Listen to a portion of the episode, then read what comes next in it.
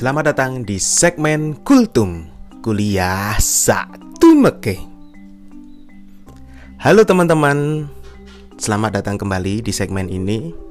Hadir menyapa tiap sore jam 4 selama bulan Ramadan.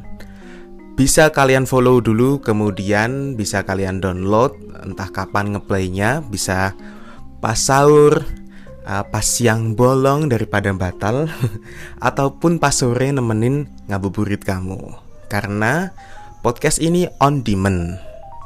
Oke. Okay. Episode kali ini kita membuka email dari pendengar. Wih, udah ada beberapa email yang masuk nih di rumah podcast. Uh, teman-teman udah nggak sabar aku aku aku aku aku pengen dibacain. Ya gini teman-teman. Aku ceritain dulu ya. Kalau teman-teman email itu tolong ceritanya yang menarik. Jangan cuma tanya-tanya doang. Kalau cuma tanya udah batal belum?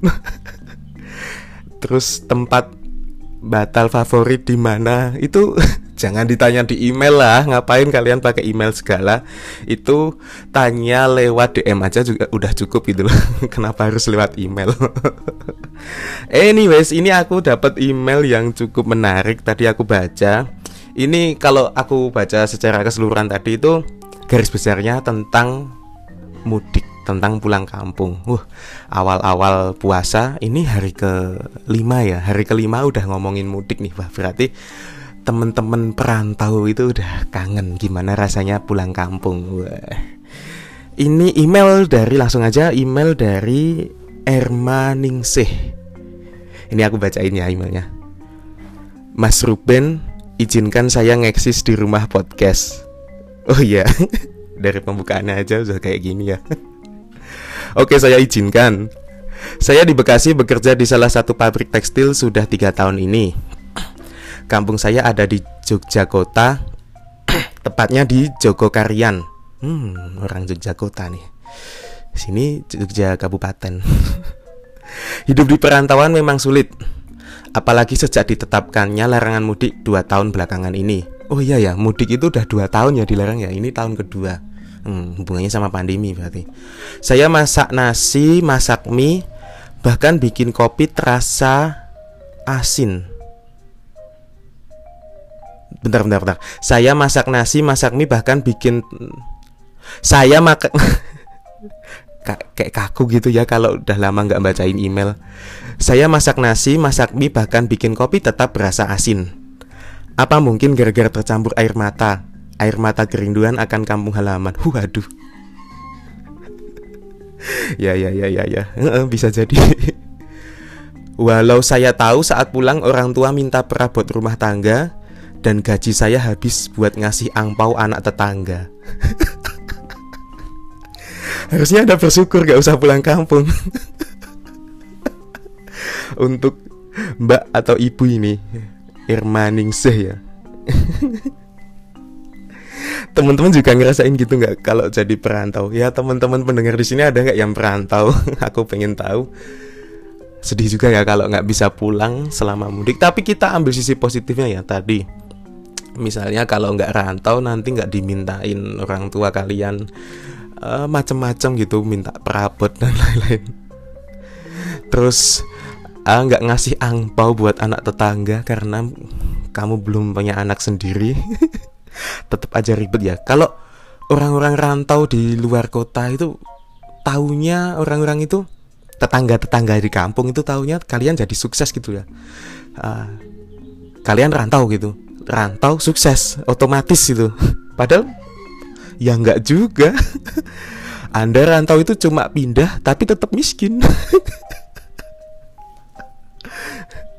Terus ada lagi hikmahnya. Kalian nggak bakal ditanyain. Ditanyain kapan nikah kapan punya anak. Karena silent itu. Ah, kamu kan nggak pulang, jadi nggak ada yang nanyain. Kalau kalian di perantauan, mana ada yang nanyain kayak gitu kalian fokusnya kerja. Main nggak? Nggak inget rumah itu nanyain nanyain kayak gitu itu nggak penting gitu ya. Karena hidup bertetangga itu sangat war. Ada yang bilang kan perang dunia pertama perang dunia dua terus perang dunia tiga itu cocoknya tetangga gitu ya. Pedes banget ya. Kalau puasa itu salah satunya hikmahnya adalah menahan puasa puasa kan menahan menahan nafsu makan nafsu minum nafsu-nafsu yang lain nafsu nyacat itu juga dan ah, tapi lebih tepatnya gini kita sebagai manusia itu nggak bisa mengkontrol sikap orang lain pada kita. Yang bisa kita kontrol adalah sikap kita terhadap diri sendiri. Nah, di sini ada pilihan. Kamu nggak pulang, nah itu pilihan yang tepat. Memang nggak usah pulang. Jadi stay aja di sana sampai duitnya banyak dan kamu pulang sampai tahunya kamu itu pesugihan.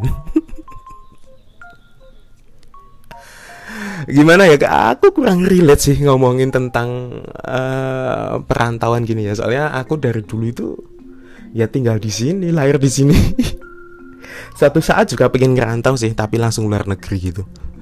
Semoga ya Hei, makasih teman-teman yang udah ngirim email. Ini kita udah bacain satu tadi, kemudian bahasan-bahasan lain yang lain kita bahas di episode selanjutnya biar nggak habis ya soalnya 30 bahasan ya kurang lebih selama satu Ramadan itu jadi pelan-pelan kita baca satu-satu ya per episodenya Terima kasih teman-teman yang udah mendengarkan mendengaran. Terima kasih teman-teman yang udah mendengarkan.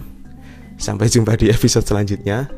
Kalau ada pertanyaan silahkan bisa di DM di IG Rumah Podcast atau Instagram pribadi aku atau di email mahendraruben@gmail.com. Terima kasih teman-teman sampai jumpa di episode selanjutnya. Tetap puasa lu. Jangan bolong-bolong.